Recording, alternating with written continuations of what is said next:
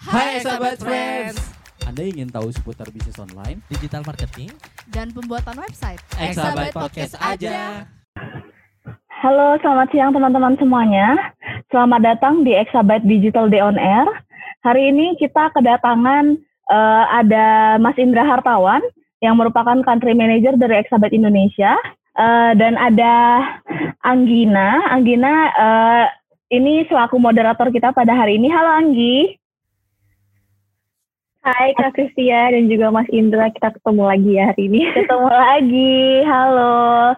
Dan selain itu, nih Anggi sama Mas Indra kita kedatangan dua pembicara yang spesial banget nih hari ini. Ada dua eh, wanita keren, eh, founder dari eh, minuman yang eh, sangat viral gitu sekarang ya. Ada Kak Vancelia yang merupakan eh, managing director dari Singfutang Indonesia. Halo Kak Vancelia. Halo semua. Halo, apa kabar? Ya, baik, baik. Gimana semuanya? Baik, terima kasih Kak Vancelia sudah meluangkan waktunya buat Exabytes dan teman-teman yang udah hadir hari ini ada 218 orang nih yang udah nggak sabar Wow. lagi. Gila ya. Terus selain Ramai itu, banget hari ini ya. ramai banget. Eh, kita masih menunggu Kak Sylvia ya. Let me check Kak Sylvia dulu. Eh, sebelumnya saya mewakili Exabytes mau eh, mengucapkan terima kasih yang sebesar-besarnya buat semua yang udah hadir, buat Anggi sebagai moderator, buat Kak Vancelia sebagai salah satu pembicara kita, dan terima kasih juga buat semua teman-teman yang sudah hadir hari ini jam 11 siang, ada 224 orang sekarang, terima kasih banyak buat antusiasmenya, terlebih untuk teman-teman yang sudah berdonasi melalui event kita, terima kasih, dana yang teman-teman eh, donasikan akan kita salurkan melalui kitabisa.com 100% ya. Jadi kita nggak memungut sedikit pun, semuanya akan kita salurkan melalui kitabisa.com. Eh, cuman memang tidak langsung karena akan ada proses sedikit di, di finance. Nanti kita akan update eh, kapan kita donasikan, ke mana dan jumlah dananya berapa itu melalui sosial media kita. Gitu ya teman-teman ya. Nah, eh, for the next event, Exabyte eh, masih punya banyak event setelah ini. Untuk event-event yang singkat seperti ini akan ada di akhir Juni. Teman-teman bisa mengunjungi website event kita di exabyte.co.id slash event.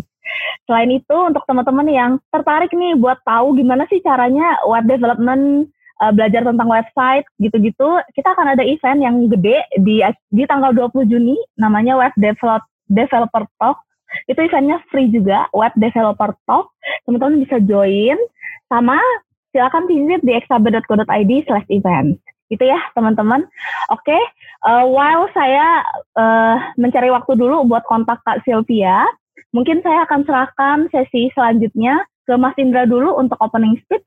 Silakan Mas Indra selaku Country Manager Exabyte Indonesia untuk eh, opening speech terlebih dahulu. Terima kasih. Ya, Assalamualaikum warahmatullahi wabarakatuh. Selamat pagi semuanya. Selamat pagi Mbak uh, Pansela ya, saya manggilnya nih. ya. ya, nanti juga sama pembicara kedua kita yang masih uh, kita tunggu. Ya, jadi um, saya selaku country manager dari Exabyte Indonesia, saya berterima kasih atas uh, rekan-rekan yang uh, sudah bisa join kita di event hari ini webinar. Uh, dan ini cukup luar biasa buat saya karena uh, bisa tembus sampai 200 lebih ya pagi hari ini. Jadi uh, sekali lagi terima kasih atas supportnya. Uh, mungkin saya perkenalan sedikit tentang Exabyte ya. Uh, jadi um, Exabyte itu sebenarnya uh, apa namanya kita adalah simbolnya is a, is a hosting company. Uh, kita dari day one uh, supporting uh, uh, UKM dan UMKM. Uh, kita uh, sudah berpengalaman di bisnis di bisnis ini sekitar udah lebih dari 20 tahun. Dan uh, memang kalau di Indonesia sendiri kita uh, baru presence kita baru di 2017 kemarin. Ya. Jadi uh, selain uh, webinar yang kita lakukan, uh, kita juga uh, apa supporting UMKM dengan cara yang uh, kita bisa lah dengan uh, ada apa engage ke komunitas dan lain-lain. Dan hari ini uh, topiknya uh, saya rasa cukup spesial ya, maksudnya um, it's about more into branding. Jadi uh, buat teman-teman yang uh, butuh uh, insight soal uh, branding uh, produk uh, dan uh, istilahnya uh, gimana sih uh, build uh, reputable brand in the internet. For example, mungkin ini adalah uh, webinar yang yang kalian uh, apa namanya kalian tunggu gitu kan. Dan uh, seperti tadi Mbak Kristia bilang, uh, Exabyte ini uh, sudah melakukan uh, event uh, seperti ini dari uh, uh, tiga tahun yang lalu kita ada ada annual event, kita juga ada uh, regular uh, every two weeks event. Cuman karena di situasi sekarang, sekarang kita udah mulai masuk uh, hampir new normal kali ya. Jadi sudah transisi ke new normal. Jadi uh, saya lihat juga uh, di luar sana uh, cukup positif, artinya uh, aktivitas uh, uh, apa namanya ekonomi sudah mulai uh, berjalan, tapi kita tetap harus ingat juga uh, mengenai uh, aturan uh, protokol kesehatan yang harus kita penuhi. Ya, jadi uh, ya terima kasih lagi kehadirannya. Uh, mudah-mudahan teman-teman yang hadir di sini juga bisa uh, ikut event-event kita berikutnya yang paling dekat tadi uh, Mbak Krisia bilang di 20 Juni uh, itu ada event uh, yang membahas lebih ke arah uh, bagaimana kita uh, develop uh, a website dan tren website di uh, 2020 ini. Ya, uh, mungkin itu aja dari saya. Uh, selanjutnya saya juga mau berterima kasih kepada sekali lagi yang telah berdonasi uh, melalui uh, event ini, webinar ini. Uh, kita akan sumbangkan langsung ke uh, kita lewat kitabisa.com uh, yang sudah kita uh, beker, apa namanya kita sudah bekerja sama dengan mereka untuk menyalurkan uh, donasi kalian. Ya, uh, itu aja dari saya, uh, Kristia. Uh, saya kembalikan, eh, Mbak Sylvia. Uh, mungkin saya saya hello dulu Mbak Sylvia. Halo. ya, uh, saya uh, Indra dari Exab Indonesia selaku country manager. Ya, terima kasih uh, kesempatannya udah bisa join dan berpartisipasi dalam event kita ya. Ya, ya, oke. uh, selanjutnya saya kembalikan ke Mbak Kristia dan Mbak Ya. Agita dan para speaker. Terima kasih. Assalamualaikum warahmatullahi wabarakatuh. Oke, terima kasih banyak Mas Indra dan selamat datang Kak Sylvia. Halo. Yeay, so excited. Udah mulai, soalnya ini udah 279 peserta. 280 sekarang. Yeay, Oke. 280 sekarang. Oke, tanpa Yes. berlama-lama lagi, saya serahkan uh, spotlightnya ke Anggi ya. Silakan Anggi. Oke, terima kasih Kak Kristia dan juga Mas Indra. Eh, pertama-tama saya ingin mengucapkan selamat siang untuk semua yang sudah hadir di sini. Eh, ini merupakan salah satu eh, panel discussion yang sangat ramai dari Exabyte. Hari ini kita kehadiran 283 audiens. Yeay! Khususnya pasti hari ini banyak banget eh, teman-teman di, di sini yang udah nggak sabar banget pengen eh, cari tahu tentang bisnis Sinfutang dan juga Kopisu. Dan makanya hari ini um, Exabyte hadir bersama saya, Anggi sebagai moderator, dan juga ada Kak Pancelia Wirajaja sebagai Managing Director dari Sinfutang Indonesia, dan juga Kak Sylvia Surya sebagai founder dari Kopisu. Oke, Eh, sebelumnya untuk Kak Sylvia, apakah sudah ready? Oke, oke. Betul ya, siap. Ya, ya, ya, ya, oke, oke. Siap. Oke, so Oke. hari ini uh, topiknya akan seputar food and beverages atau makanan dan minuman. Karena seperti teman-teman tahu di masa COVID-19 ini, uh, food and beverages merupakan salah satu industri yang terkena dampak secara uh, besar ya. Karena memang kebanyakan dari channel uh, penjualan food and beverages ini berada di offline atau berada di mall, berada di uh, ruko dan offline stores lainnya. Nah hari ini makanya kita ingin membahas bagaimana cara food and beverages ini bisa bertransisi atau merubah uh, bisnis modelnya menjadi online. Nah karena hari itu uh, topik untuk um, webinar hari ini merupakan Beyond Marketing, How to Make Food and Beverages Business Go Viral on Social Media. Nah, seperti teman-teman tahu, Kopisu dan Sinfutang merupakan dua brand yang mempunyai uh, brand identity yang kuat di online dan juga offline. Sebelumnya bisa aku tanya nggak nih teman-teman di, eh, di sini siapa yang rela ngantri berjam-jam untuk Sinfutang dan juga Kopisu? Karena dulu sebelum uh, Kot- Sinfutang baru-baru mulai, aku inget banget banyak banget teman-temanku yang ngebikin uh, Instagram story ngantri di Kemang Village atau di beberapa uh, stand lainnya itu bisa sampai dari lantai dua sampai lantai satu gitu ya. Kalvan Celia bener ya. Enggak lah, nggak sampai kayak gitu. Tapi rame banget loh dan dan merupakan itu juga kita bakal bahas kenapa bisa se-hype itu dan juga untuk kopi su di sini siapa yang eh, sering coba kopi ram regalnya yang merupakan salah satu signature dish dari kopi su juga kan. betul. Ya. Oke, eh, sebelum kita mulai, tak kenal maka tak sayang. Jadi maka let me introduce myself. Nama saya Anggi. Currently eh, saya bekerja sebagai marketing and promotion dari salah satu F&B juga, yaitu Ismaya Group. Kalau teman-teman tahu, Ismaya Group merupakan eh, F&B company dan juga event organizer seperti Jakarta Warehouse Project dan juga Widow Fest dan kita juga mempunyai beberapa food and beverages um, brand seperti Sushi Groove, Tokyo Belly, Kitchenette dan uh, lain sebagainya. Oke, okay. without further ado, uh, let me introduce the two brand. Nanti Kak Vancelia dan juga Kak Sylvia bisa menambahkan atau mengkoreksi mungkin.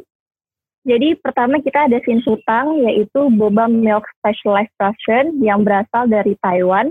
Lalu dibawa oleh Kak Vancelia uh, ke Indonesia dengan cara franchise atau membeli royalti Sin Sutang ke Indonesia. Dan sekarang total outletnya ada 8. Betul Kak Vancelia? Uh, actually sekarang we have uh, 17 sih. Uh, that's currently up Wow. and running. Yes, yeah. Oke, Mhm. ya. Sekarang ada 17 ya guys. Yeah. Dan juga untuk Kopi Su uh, pertama kali di uh, berdiri sejak awal 2018 ketika kopi sedang hangat-hangatnya ber- berada di Indonesia. Dan nama Kopi Su ini menggunakan ejaan lama dan juga menghadirkan konsep lama. Jadi ada nostalgic feeling uh, ketika membeli produk-produk dari Kopi Su.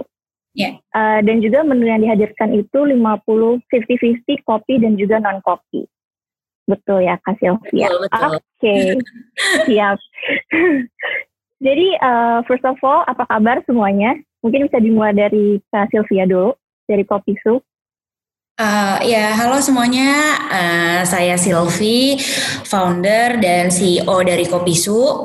Eh, saat ini Kopisu sudah memiliki cabang em, sekitar 200 cabang eh, di seluruh wilayah Indonesia.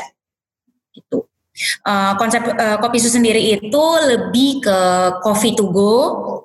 Eh, kita memang em, dari awal konsepnya ingin menciptakan eh, bagaimana orang bisa mendapatkan kopi atau minuman eh, yang mereka bisa minum secara daily, eh, convenient dan gampang mudah didapat di mana-mana. Begitu dari awal konsepnya seperti itu. Gitu. Oke, terima kasih Kak Sylvia dan juga Kak Vancelia. Ya, halo semuanya. Eh, terima kasih nih udah ngundang eh, kami ke sini. Eh, nama saya Vancelia Wirajaya. Mungkin kalau gampang panggil Van Van aja. Eh, kabarnya baik. Kita senang hari ini we're actually going back to our office after so long. Kita udah Yeay. resume operation, yes. And then um, uh, Sing Putang sendiri sudah satu tahun juga. Kita lagi anniversary uh, bulan ini. Uh, setahun terakhir kita udah uh, 17 cabang di empat kota. Masih jauh nih dari Kopisu. Semoga bisa mengikuti jejaknya Kopisu. Uh, ya, terus uh, kita juga uh, dalam waktu dekat akan ada di uh, Jogja, Bali, dan Pekanbaru. Jadi ini lagi kita usahakan secepat mungkin karena mundur karena COVID ini. Wow, ST Anniversary juga buat Sin Futang by the way Yo. kalau gitu. Semoga sukses terus. Oke, so how's the business going so far? Tadi udah di, uh, dibicarakan oleh Kak Vancelia bahwa you're gonna be going back to business again. Tapi apakah ada uh, planning ke depannya atau um, how do you spend these days? Mungkin bisa dimulai dari Kak Vancelia dulu. Um, kita sih ya obviously pasti affected ya from this uh, COVID-19. But then I think uh, one thing yang penting adalah untuk terus uh, positif, jadi nggak mundur. Terus uh, I think today everyone back to the office, everyone was so happy that uh, we can move forward. So it will be challenging, but uh, we will we will continue lah. I think it it it it. I think we can do it. We can do it. New normal is doable. Nice, you know what's doable. Oke, Mm-mm. dengan Kak Sylvia? Um, ya kalau kopi su sendiri memang dari awal covid uh, uh, thanks God banget kita dari awal covid uh, tetap menjalani semuanya seperti biasa. Cuma memang dengan aturan-aturan baru work from home uh, tapi dari segi logistik warehouse itu tetap jalan semua during covid dan sampai sekarang.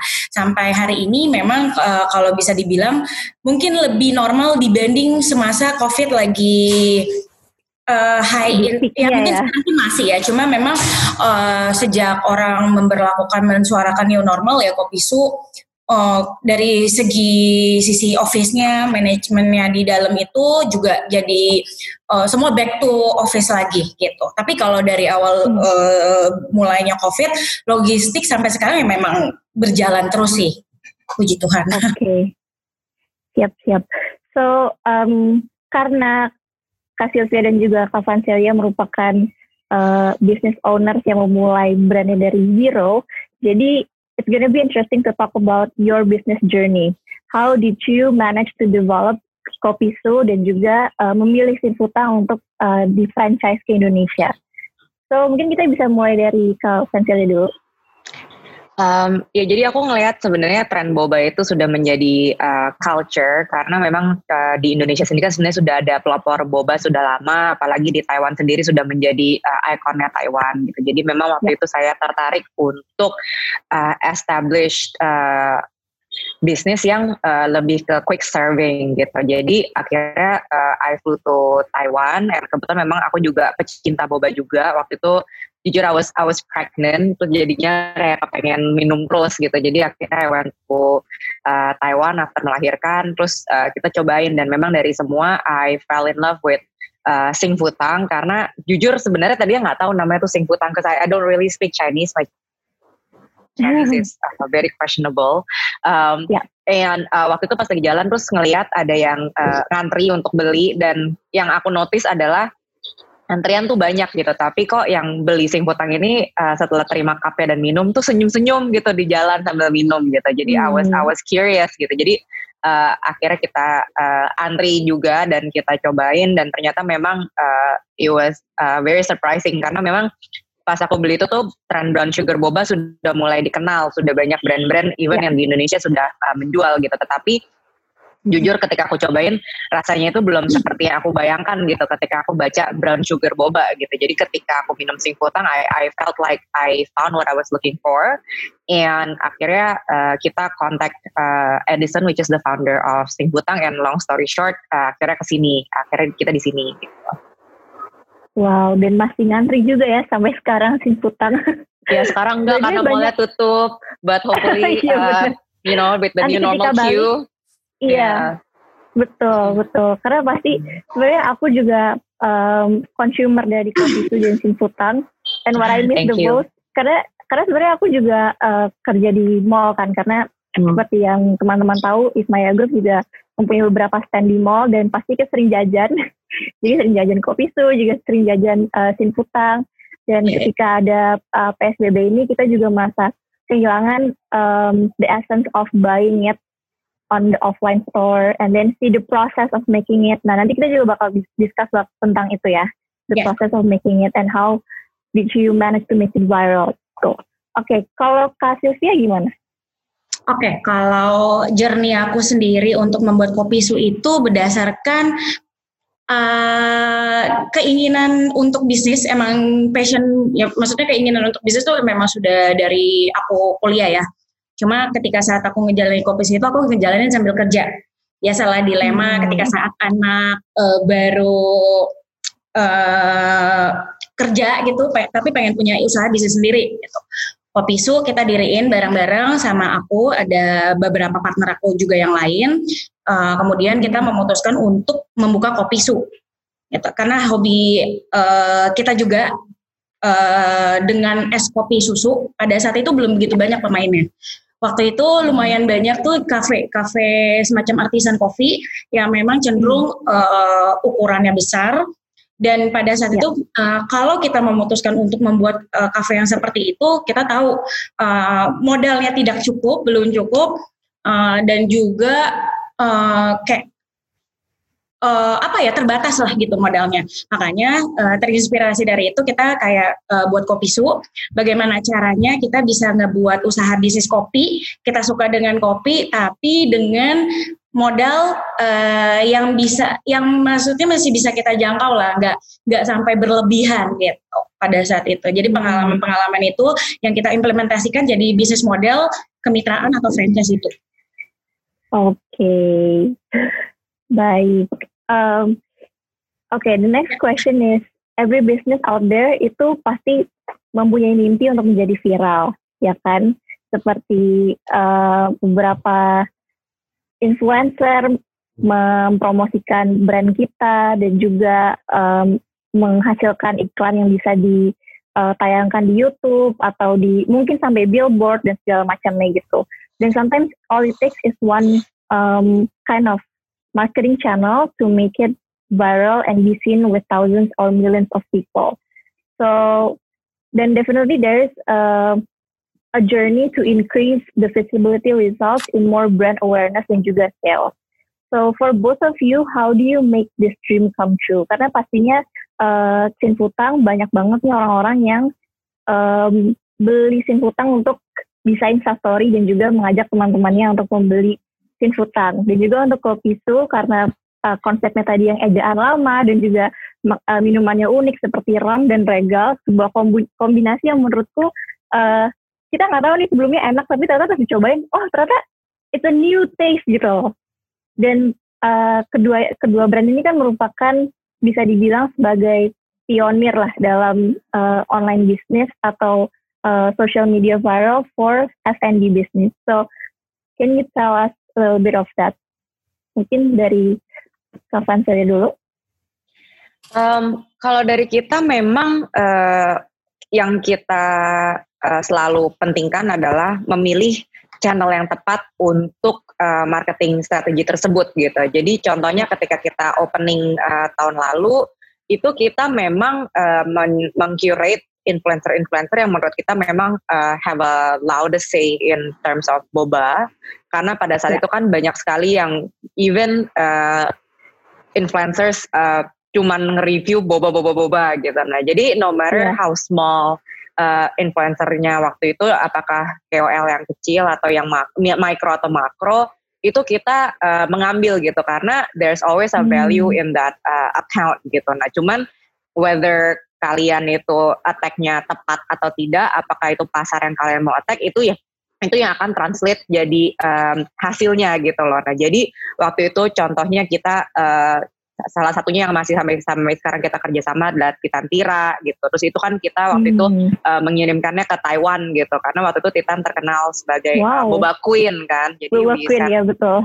Ya, jadi we send her to Taiwan untuk nyobain gitu. Cuman the one thing that uh, is non-negotiable untuk uh, dari kita adalah uh, harus memberikan honest review gitu. Karena kita sebagai hmm. bisnis F&B itu honest review itu adalah review terbaik yang bisa kalian dapat. Mau itu enak atau mau itu nggak enak. Kalau itu nggak enak itu udah saatnya buat kita mikir lagi, ah apakah ini kita kemanisan atau apakah ini kita kurang es batu or whatever itu itu menjadi uh, the loudest uh, feedback untuk kita gitu loh sebenarnya. Dan waktu itu ketika di awal uh, what we try is to make it as organic as possible gitu. Jadi sebenarnya banyak juga ada juga gitu yang influencer yang setelah mencoba terus bilang aduh sorry nih saya nggak suka. Dan I'm like oh ya yeah, you know it's okay gitu. We we we pay you for your time and please if you don't like it why do why don't you like it gitu. Jadi itu buat kita ada uh, feedback lah untuk kita um, kaji kaji diri lagi gitu. Nah, oh, thankfully at that time uh, I think majority actually like it. Dan yang akhirnya membuat kita jadi viral adalah the same influencer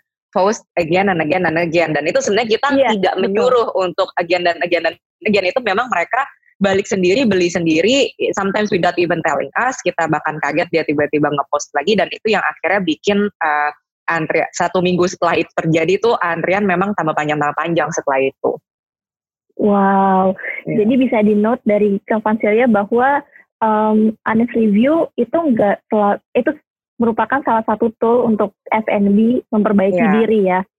Yeah. Gitu, oke. Okay. Dan sebenarnya influencer juga merupakan sebuah channel yang nggak hanya promote aja, tapi memberikan honest review dan juga uh, feedback yang bisa lebih uh, akurat gitu loh. Karena mereka pastinya sebagai influencer mempunyai um, apa ya mempunyai kapabilitas untuk mencoba beberapa brand lainnya dan bisa Betul. compare dan kontras terhadap brand yang kita punya. Oke, okay, ya, thank you Tavan dan juga Kak Sylvia. Ya, kalau dari awal kopi su sendiri hmm, kita uh, bisa meyakini kenapa kita bisa misalnya stand out dibanding brand lain karena yang paling penting aku selalu bilang bahwa pastiin uh, brand kalian tuh punya karakter Uh, brand kalian tuh po- uh, punya personality.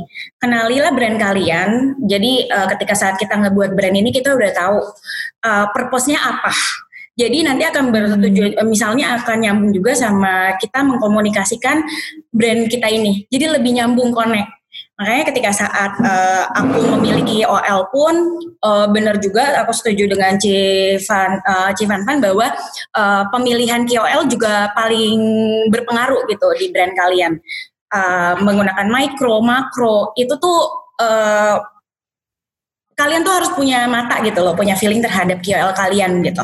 Even misalnya uh, micro tapi misal uh, mereka punya organic eh, organic followers yang mungkin Followers, ya. cuma sembilan ribu, delapan ribu, tapi kalian benar-benar tahu dia tuh nyampein brand kalian tuh seperti apa, gitu. Itu yang biasanya aku Hmm. lakuin kalau untuk di kopi Su sebelum benar-benar orang dengar eh, ram regal tuh apa, bagaimana gitu. Aku benar-benar bagi-bagiin ataupun eh, sebar ke hampir ke beberapa influencer yang bahkan orang nggak tahu gimana gitu loh. Jadi nanti eh, yang aku harapin waktu itu adalah efek domino pada saat itu. Jadi kedengeran-kedengeran terus. Nah, kemudian eh, itu berarti eh, berhubungan dengan find the right KOL atau influencer. Terus kemudian Hmm, pada saat itu eh, kita cukup mendengarkan customer. What customer needs. Mereka tuh eh, lagi demen tuh yang kayak gimana-gimana sih. Eh, atau waktu itu kita sendiri sudah eh, mungkin bukan bosan gitu loh. eh, kopi susu pada saat itu semua jual kopi susu. Semua jual kopi Iya susu betul. Ya, kita pun ya kita jadi tidak ada bedanya gitu dengan yang lain. Jadi market share-nya makin banyak. Nah pada saat itu kita sendiri kayak yuk ngapain yuk eh, kreatifin dengan eh, cita rasa nostalgia atau jadul eh, tapi di dalam sebuah cup. Nah makanya kita ciptakan waktu itu si ram regal itu gitu Hmm. jadi mungkin ada ketika saat orang minum ada kayak engaging feelingnya ya, mungkin ke customer kayak wah ini kayak gue sering minum nih dulu eh, dulu pas masih kecil gitu, tapi eh, in in different way atau kayak eh, mereka eh, ditambahin modifikasi dari kita dengan ada tambahan ramnya itu, tapi ramnya non alkohol ya. Ah, oke. Siap, siap. Nah, eh, tadi sudah dimention juga dari Kak Sylvia dan Kak Van kalau penggunaan micro influencer juga sama pentingnya dengan macro influencer. How about brand ambassadors though? Do you um, consider of having one atau menurut kalian mempunyai makro dan mikro influencer untuk Sinputang dan juga Kopisu sudah cukup?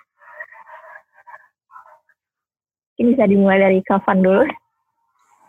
Um, sebenarnya tergantung strategi kalian itu apa ya. Kalau jujur kalau untuk uh, awal-awal ketika Singputang buka, kita memang sampai hari ini pun considering to have a brand ambassador, tapi belum ada yang akhirnya kita uh, approve dan go ahead gitu. Jadi I think in every marketing channel, mau itu kalian uh, as simple as posting foto di Instagram atau memakai KOL atau memakai Instagram Ads itu harus ada uh, goalnya itu kalian maunya apa. Kalau contohnya misalnya kalian ingin branding, nah branding kalian bisa dilakukan mungkin dengan memposting uh, produk di uh, beberapa KOL yang makro gitu. Nah biasanya seperti itu engagement balik ke salesnya mungkin tidak setinggi, tetapi produk, uh, tetapi brand kalian lebih dikenal nantinya gitu. Nah kalau misalnya untuk brand ambassador uh, kalian pilihnya misalnya oh yang uh, let's say uh, artis gitu misalnya yang besar-besar ya obviously it's for uh, branding and if you have the budget for it it's usually quite expensive uh, ya kalau itu memang suit your goal you should do it gitu cuman memang pada waktu itu kita dari sisi Singputang kita lebih ingin uh, organic review dan kita lebih ingin memang karena saya juga percaya produk yang saya jual itu memang enak dan memang uh, di bisa disukai dengan orang gitu. Jadi menurut saya pada saat itu yang harus menjadi uh, point of uh, point of interestnya adalah dari segi rasa yang kita uh, suguhkan itu berbeda gitu dibanding kompetitor-kompetitor kita gitu. Jadi pada saat pada saat itu akhirnya kita memilih untuk tidak uh, memakai brand ambassador tetapi memakai uh, KOL-KOL yang memang terkenal dalam uh, dunia perbobaan gitu dan pada saat itu kan uh, memang they speak the loudest for my market ya waktu itu dan aku juga nyadar waktu itu Ci Silvi kan ketika baru 2018 tuh sebenarnya aku uh, udah nyobain waktu itu kopi sunya karena memang terus-terusan ada dan satu one thing I notice adalah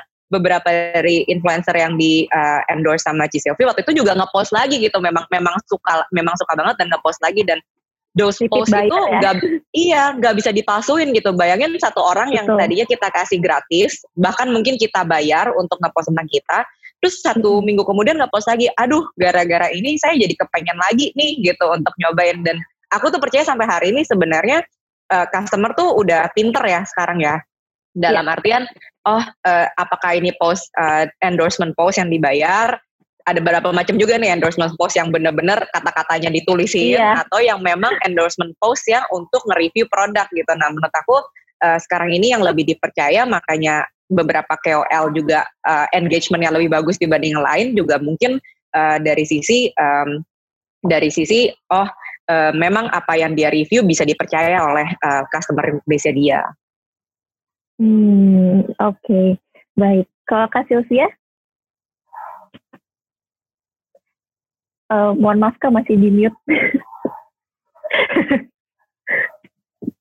Terlalu semangat ya. Siap. Gak apa-apa. Oke, eh, pemakai penggunaan brand ambassador ini lumayan tricky sih menurutku kalau misalnya brand ambassador Eh, antara perlu dan tidak perlu. Eh, bener juga kata Ci Van Van tadi kayak gu, eh, purpose-nya apa dulu nih your brand ada BA-nya karena menurut aku BA itu eh, somehow tricky karena eh, misalnya kalau kebetulan BA-nya ada kena eh, kasus atau eh, konflik apa gitu itu kayak akan jadi bumerang untuk brand kamu. Itu eh, itu eh, penyeleksian BA itu nggak sembarangan gitu loh. Eh, jangan sampai juga prosesnya panjang banget deh kalau misalnya untuk eh, untuk memilih BA Nah, eh, aku percaya eh, dengan penggunaan KOL atau eh, KOL yang misalnya kita sudah ibaratnya kita eh, hubungannya sudah baik gitu loh. Eh, misalnya kita resign atau kita kirim kalau misalnya memang ternyata feedback dari satu KOL ini oke, kita boleh eh, boleh kayak eh, keep that KOL gitu. Tapi untuk menjadikan BA menurut aku em, belum terlalu apa ya eh, aku pun juga belum sampai ke stage untuk oke eh, kopi su udah harus eh, ada BA-nya gitu karena nanti image eh, dibuat brand ambassadornya itu akan dia bawa terus ke mana-mana jangan sampai ya tiba-tiba nanti kamu ketemu BA-nya di mana dia tahu-tahu lagi minum kopi yang lain nah itu kan jadi kayak Hmm, buat kayak contradicting juga ya sama posisi brandnya. rating banget itu sangat komitmennya sangat harus kuat banget kalau kita Hmm, buat iya. brand. Gitu. So sampai sekarang itu belum ada eh, strategi untuk eh, kita ada hire eh, atau kayak pakai DA gitu belum ada. Oke, jadi memang untuk em, di kondisi sekarang, khususnya karena semua brand sekarang merging dari uh, transitioning dari offline dan juga online, pentingnya untuk mengadakan em, atau uh, bekerja sama dengan makro dan juga micro influencers ya secara ini. Oke, eh, sebelum kita proceed ke pertanyaan berikutnya, aku pengen infoin bahwa akan ada em, 10 orang yang dipilih oleh Exabyte untuk eh, diberikan voucher potongan harga 100.000 apabila kamu punya rencana untuk membuat website atau email bisnis dalam waktu dekat. Nah, caranya untuk mendapatkan voucher ini kamu bisa chat ke panelis dari Exabyte ini di eh, Zoom ini nanti bakal direspon oleh tim Exabyte dan nanti akan dipilih juga siapa yang berhak untuk mendapatkan 100.000 rupiah. Oke. Ya, udah ada beberapa nih yang eh, menaruhkan email dan juga nomor HP ke chatnya. Keep on going, nanti bakal dipilih oleh tim Exabyte. Ya. Eh, Oke, tadi kita udah bahas tentang how to make your product viral dan juga choosing the right product. Nah, ini pertanyaan yang menurutku sangat cocok untuk Sis Hutang dan juga Kak ah, dan juga Kopi Su karena you both have strong um, brand identity dan juga strong product. Kalau boba sekarang orang udah pikir sinfutak menurutku ya. Dan juga menurut teman-temanku yang eh, sekarang suka banget sama boba. Dan juga untuk minum kopi mereka juga inget kalau ada kopi ramregal dari eh, kopi su yang merupakan suatu em, produk yang unik dan juga fresh di different kinds of uh, coffee. So um, how do you define your product to fit with the competition dan juga stand out from other brands? Karena yang tadi kak Van dan juga Kak Sylvia sudah sebut, boba banyak banget sekarang jenisnya di Indonesia dan uh, mungkin dari every corner udah ada boba shops nih, misalnya produk A, terus habis itu 50 meter produk B, terus produk C dan juga ada beberapa uh, range of coffee shops dan juga um, coffee based drinks di Indonesia. So, how do you make your brand stand out? Mungkin Kafan dulu. Um, sebenarnya di F&B product differentiation itu pentingnya penting banget kalau menurut aku gitu. Um, yeah. Just like cosmetics, uh, brand differentiation tuh penting gitu. Kenapa? Karena uh, a lot of uh, vendors obviously are offering the same uh, product uh, at a different price. Some are very expensive, some are very cheap gitu. Jadi uh, hmm. kita tuh harus memberikan customer itu uh, alasan lain gitu kenapa dia mau memilih kita gitu dan ju jujur kalau dari uh, kita uh, sebelum kita acquire uh, franchise uh, any brand itu kita berangkat dari rasa karena kalau backbone-nya F&B adalah menyuguhkan sesuatu untuk dimakan untuk dikonsumsi ya balik lagi ke rasa gitu. Kalau rasa yang nggak enak orang tidak akan balik. Mau semarketingnya segimanapun it will be very short lived I think uh, kembali lagi ke uh, esensinya tuh apa gitu. Dan jadi memang kalau dari Singputang kita waktu itu percaya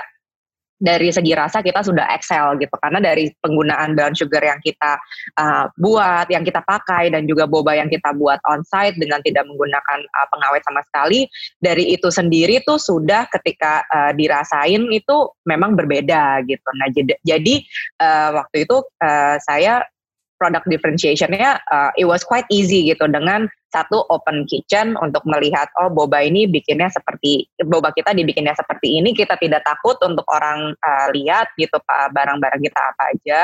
Uh, hygiene kita perhatikan as uh, I think if you see even before COVID kita selalu menggunakan glove kita selalu menggunakan uh, tadahan mulut, rambut tidak pernah yeah. expose, it has to be uh, pakai topi. Even now uh, post covid kita semua dari manajemen uh, dari kantor pun ketika ke toko audit dan lain-lain itu harus full gear. Kita tidak boleh ada yang kurang. Hmm. Nah jadi um, dari situ kita uh, differentiationnya jadi dari uh, rasa dari uh, ingredients terus lalu dari kebersihan gitu dan juga sebenarnya waktu itu kita dari segi rasa gitu jadi kita waktu itu uh, there's a rule that uh, HPP berapa berarti marginnya usually berapa. Waktu itu kita actually cross that rule dan kita mau yang penting uh, more people itu bisa uh, nyobain singputang tanpa memberatkan. At least we try our best gitu. Nah jadi uh, waktu itu itu sih yang waktu uh, kita decide untuk lakuin dan uh, I think uh, at the end uh, it works gitu. Hmm, aku setuju banget kak kalau uh, backbone dari F&B itu selain rasa juga adalah hygiene atau quality dari um, delivering the product. Betul. Dan tadi kakak juga se sempat sebutin tentang open kitchen. Sebenarnya hmm. gonna be another interesting topic to talk about because hmm. you actually create the trend for having an open kitchen boba. Karena yeah. menurutku itu merupakan salah satu uh, apa ya salah satu hal unik gitu kita bisa melihat uh, boba dari fresh karena kalau di uh, beberapa pegawainya membuat boba ketika masih dari uh, tepung kan tepung, masih dari betul. iya masih dari zero banget betul. lalu dibuat jadi bulat-bulat habis itu nanti dimasukkan ke dalam uh, gelas tadahan dari boba drink tersebut nanti di, diberikan torch di atasnya daripada uh, di krimnya itu segala macam. So we're gonna be talk about that in a few minutes. Tapi sebelum itu, uh, let's hear from Kak Sylvia dulu. Bagaimana? Ya, yeah. um, how do you make it? how do you define your fit product? Yes, eh, aku setuju. Balik lagi setuju dengan Civan Van kalau uh, kayak rasa itu menjadi backbone-nya suatu uh, bisnis F&B. Makanya Kopi Su dari awal kita selalu proses R&D-nya cukup kita perhatiin banget banget gitu. R&D-nya karena berhubungan juga dengan konsep kopi sukan. Makanya kenapa ada tercipta ya. siram regal itu dengan rasa jadulnya. Kemudian uh, kita pernah bikin kolaborasi dengan salah satu influencer juga uh, menghadirkan alpukat dengan cita rasa jadul juga gitu. Jadi benar-benar wow. kita banget, coba berkali-kali dan maksudnya uh, ya aku nggak tahu ya untuk uh, bisnis F&B yang lain seperti apa. Cuma kita itu cukup take the R&D uh, serius banget deh gitu. Uh, hmm. Karena ya kita juga percaya dengan rasa yang enak uh, selain marketing kita yang uh, di digital platform itu juga udah jor-joran, jangan sampai rasanya itu kayak uh, ya zong gitu loh. Pas orang nyoba, mereka akan uh, usah kita ngomong, uh, dia bisa rekomenin ke teman-temannya sendiri gitu loh. Karena bisa kayak merekomenkan sesuatu yang enak. Nah itu kita bisa menciptakan kayak unsur FOMO-nya gitu loh. Ah, oh lu coba, lu udah coba, tapi karena rasanya enak, mereka akan repeat to buy gitu. Kemudian yang aku uh, cukup pegang di sini adalah customer experience. Makanya aku juga hmm. bisa nangkep dari kenapa Singfutang itu uh, selain punya ciri khas sendiri, orang ya experience customer itu bisa ngelihat bagaimana cara boba dibuat atau uh, dengan si panci besarnya itu boba dibuat. Nah, kayak kopi su juga orang yang harusnya minum uh, minum bis makan biskuit dengan susu itu kan biasa di rumah gitu tapi mereka bisa ya, betul. anytime gitu loh mereka uh, gojekin da uh, dari kopi su kayak tapi dapetin di dalam cup itu gitu lah jadi memang uh, hmm. untuk mendapatkan differentiation itu kayak customer uh, bisa pikirin gitu loh uh, experience yang customer bisa dapat apa sih selain online tapi ternyata di offline-nya apa di tokonya ternyata uh, mereka bisa menghadirkan sesuatu yang ternyata berbeda dengan brand lain begitu ya oke okay. ini ada teman uh, kita di uh, di kolom chat yang menanyakan R&D itu apa ya Oke, okay, mungkin bisa aku jelasin sedikit, tapi kalau misalnya kasih Silvia nanti nambahin juga nggak apa-apa. Iya. Jadi R&D merupakan uh, product development dari uh, suatu brand uh, food and beverages atau F&B atau di Indonesia kan sebagai makanan dan minuman gitu. Betul Kak Sylvia atau mau nambah lagi? Uh, ya kurang lebih seperti itu ya kalau bahasa bahasa singkatnya ya uh, ngeracik ya kayak apa sih uh, proses kita ngedevelop suatu produk itu bagaimana R&D itu sebelum uh, produk itu diluncurkan ya harus melalui proses ya R&D itu diformulasikan, ya. diracik gitu. Diracik ya betul. Trial dan error juga ada di nah, situ. Segala macam itu dan trial step juga. Coba di. R&D itu. Iya. Begitu Kak Halimatul Sadia, semoga mem, uh, menjawab ya pertanyaannya. Oke, okay. um, nah kembali lagi ke Sinfutang, tadi kan jelasin tentang open kitchen. So, yang tadi seperti aku bilang bahwa uh, it's a current trend for boba shop these days hampir semua boba uh, shop sekarang mencoba untuk mengadakan open kitchen. Be it for um, audience reaction atau untuk menambahkan trust terhadap hygiene dari produk tersebut gitu. Tapi um, if we take a look back, you're the one that creates it first. So how do you make sure that this will be a trend in F&B business? Untuk Kak Vancelia dulu. To, to be fair, I did not make the open uh, kitchen uh, idea. It was it was uh, the founder of Sing Putang ya, uh, uh, Mr. Hmm. Edison was the one yang push it into that direction. Tapi memang ketika uh, we found out that you know bobanya Sing Putang itu dibuatnya dari scratch dan it's it's actually bisa untuk dikasih uh, lihat ke customer, ya obviously the answer would be why not? Kenapa nggak nggak dikasih lihat gitu? And I think if dan sebenarnya untuk buat boba sendiri tuh costnya lebih besar dibanding beli boba jadi gitu. Jadi um, wow. the, um, yeah, amount of uh, karyawan dan lain-lainnya. Jadi kalau misalnya nggak ditunjukkan juga menurut aku sayang gitu. Jadi waktu itu hmm. kebetulan tempat di Lipo Mall Puri juga kan island ya, jadi kelihatan dari segala sisi. Jadi I thought we just embrace it. Tapi memang menjadi challenge untuk kita adalah how do we keep it clean? Jangan karena ya, tambah betul. terbuka itu risknya sebenarnya tambah besar gitu. Nah jadi menurut aku kita Benar. ngeliat itu sebagai motivasi aja gitu. Berarti memang karyawan kita harus harus benar-benar uh, take notice dan uh, bersih. Jadi uh, customer confidence juga di uh, build lewat itu dan menurut aku itu adalah salah satu decision terbaik dari uh, Singfutang Taiwan untuk uh, open kitchen karena dengan uh, COVID seperti ini, I think more people as a customer mau lihat gitu apakah ini ya, memang betul, bersih, betul. apakah ini memang uh, per, uh, apa namanya sehat untuk dimakan dan lain-lain. Jadi uh, untungnya jadi kita sudah one step ahead sih even before iya yeah, even before uh, covid hits kemarin itu. Nah jadi uh, memang sih uh, open kitchen ini uh, menjadi salah satu titik uh, yang menarik di Simputang dan juga kedua adalah the stone stuff yang kita punya untuk uh, langsung mengsangrai boba di depan customer. Uh, itu memang menjadi uh, main product differentiation untuk Simputang headquarter dari head, dari headquarternya langsung. Hmm, karena memang dengan open kitchen ini kita jadi lebih ngiler gitu loh, pengen coba. Hmm. Kalau menurut aku tuh ketika aku ngelihat open kitchen dari Sinfutang, misalnya tadi aku pengen beli satu, tapi kayaknya hmm, ntar buat nanti malam deh, ya udah beli dua deh jadinya. Karena ngelihat thank you, thank you. Pasti menjadi ngiler dan segala macam ya gitu. Dan pasti uh, teman-teman di sini juga tadi aku udah ngeliat beberapa komen bilang kayak, iya kak, aku dulu uh, rela ngantri dan segala macamnya. Hmm. Aku setuju, aku juga gitu. Dan um, it's a good trend.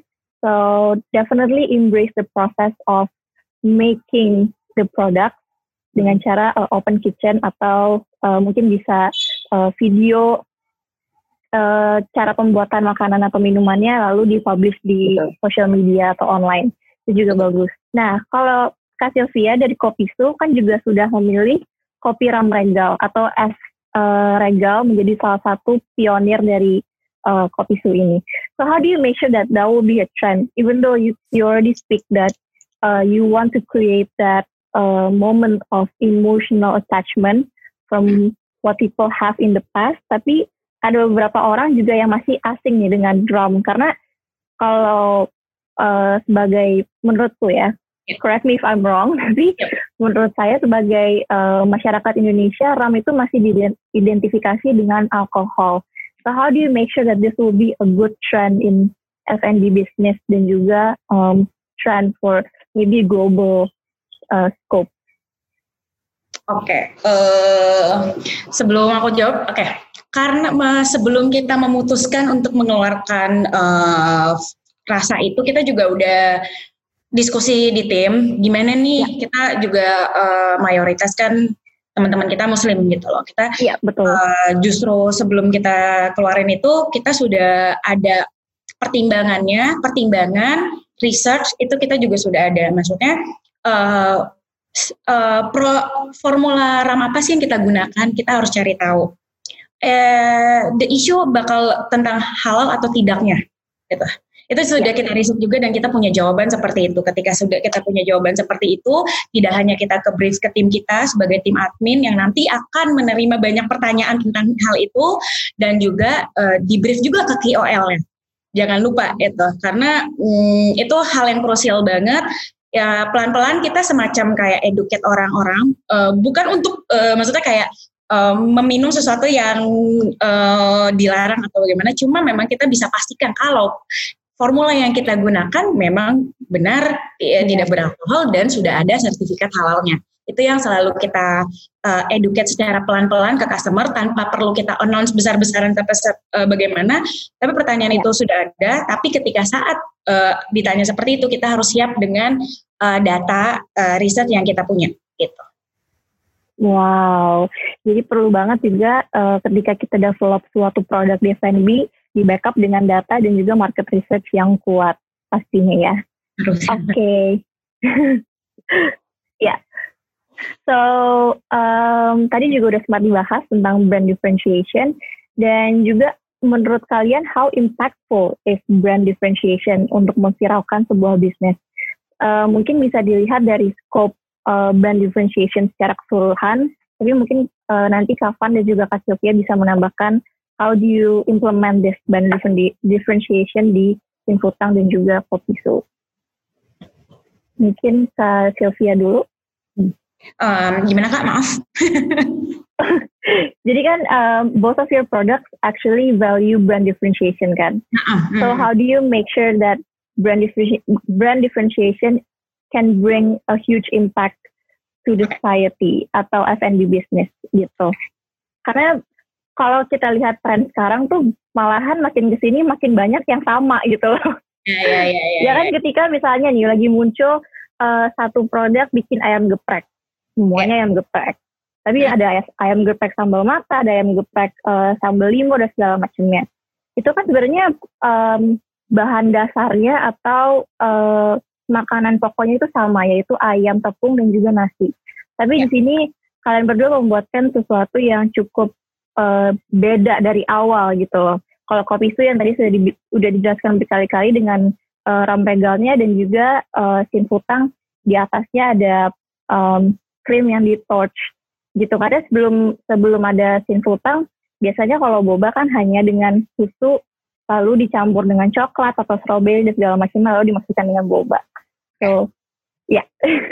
oke okay, um, jadi ya, yang awal-awal aku sebut itu karakter and personalities menurut aku orang bi mungkin bisa meniru atau me, uh, kita bilang ya uh, terinspirasi untuk membuat produk yang sama gitu. Tapi menurut aku karakter dari si brandnya itu sendiri yang menurut aku uh, agak uh, harus kita pikirkan betul-betul uh, konsis, uh, konsisten dalam menyuarakan mengkomunikasi brand kita seperti apa, gitu. Uh, jadi itu yang paling penting uh, yang harus kamu bawa terus. Yang maksudnya mau percayalah menurutku kayaknya mau misalnya ada pun yang brand yang misalnya mengcopy atau terinspirasi hmm. uh, lumayan mirip atau bagaimana uh, itu kayaknya akan susah dicari hilangkan ya hilangkan gitu dari da, di luar dari produk ya dari komunikasi terhadap uh, audiensnya itu juga pasti akan berbeda gitu hmm, ya okay. mungkin sama seperti orang uh, punya bisnis ya air mineral juga banyak gitu lah. Tapi betul betul. Ya, air mineral banyak, tapi mereka kan punya karakter yang berbeda-beda uh, sehingga orang uh, customer uh, making the decision untuk membeli produk itu kenapa gitu loh. Story behind the product itu hmm. apa gitu. Itu yang harus kamu sampaikan betul-betul kepada customer kamu. Hmm, oke. Okay. Kalau misalnya kita tarik balik ke uh, zaman kuliah dulu kita belajar yang namanya emotional marketing, undercover marketing dan juga uh, self marketing kayak gitu ya. Dan di sini uh, Kopi Soup pasti menggunakan emotional marketing karena ada emotional attachment ketika uh, meminum produk dan actually enjoy the product. Ya. Yeah. Yeah. Oke, okay, karena brand differentiation pasti nggak cuman hanya dari segi produknya itu sendiri, tapi how you deliver it juga pasti ada perbedaannya kan ya?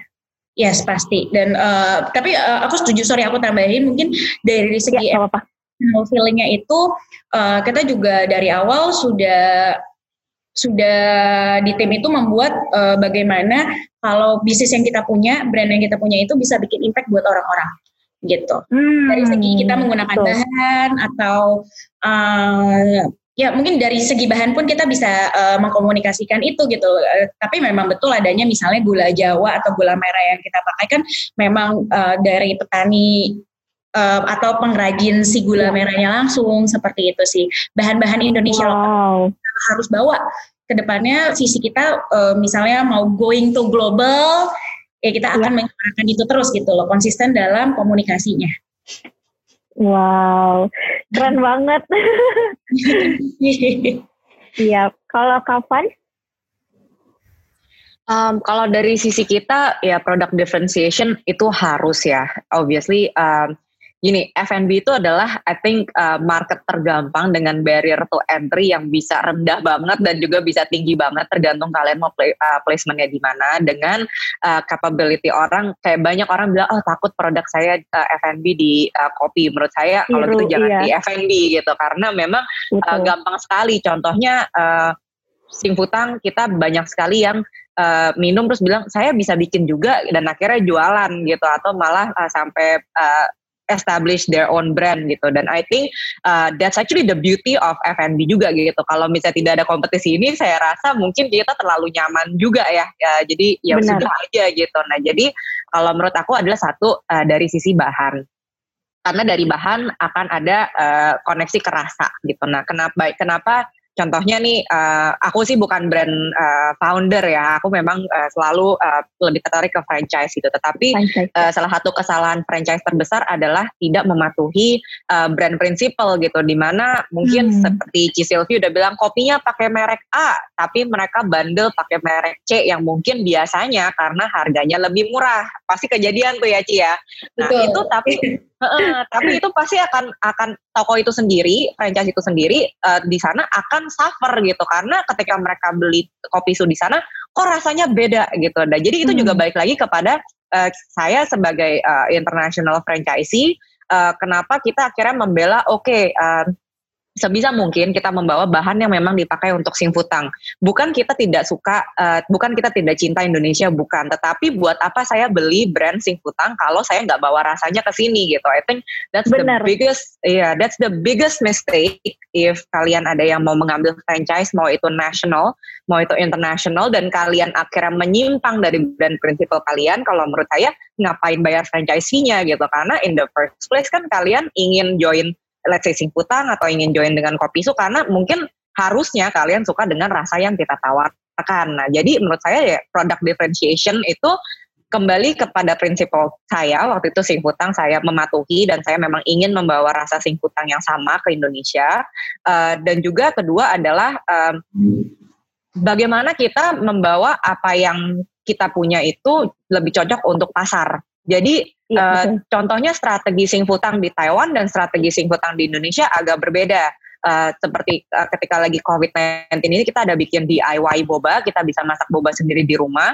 Tapi di Taiwan tidak ada. Itu memang uh, waktu itu saya sendiri yang uh, memformulasikannya dan uh, maju ke Taiwan untuk minta approval gitu. Kenapa? Karena uh, di Taiwan tuh PSBB-nya tidak separah di negara-negara lain. They they're actually one of the country yang actually managed to get out of it almost with no damage gitu. Jadi uh, mereka tuh tidak Dan mengerti lockdown gitu. juga ya di Taiwan ya. Betul, mereka mereka hanya tutup uh, mereka hanya tutup uh, batas international border, tapi di dalamnya tuh mereka tidak lockdown gitu. Jadi Iya. uh, mereka pada saat itu bisnis mereka di Taiwan pun masih bisa hidup dari uh, market lokal gitu. Sedangkan kita market lokal saja sudah tu- turun jauh Betul. kan gitu. Jadi Mm-mm. waktu itu uh, saya present to him the current market condition. uh, Kenapa pasar tuh nggak membeli? Satu adalah takut. Waktu itu memang jawaban paling uh, tingginya adalah takut gitu. Jadi akhirnya kita uh, banting haluan, tetap menjaga citra rasa, tetap cita rasa, tetap menjaga uh, esensnya singkutang, uh, kita bikin boba sendiri dan lain-lainnya,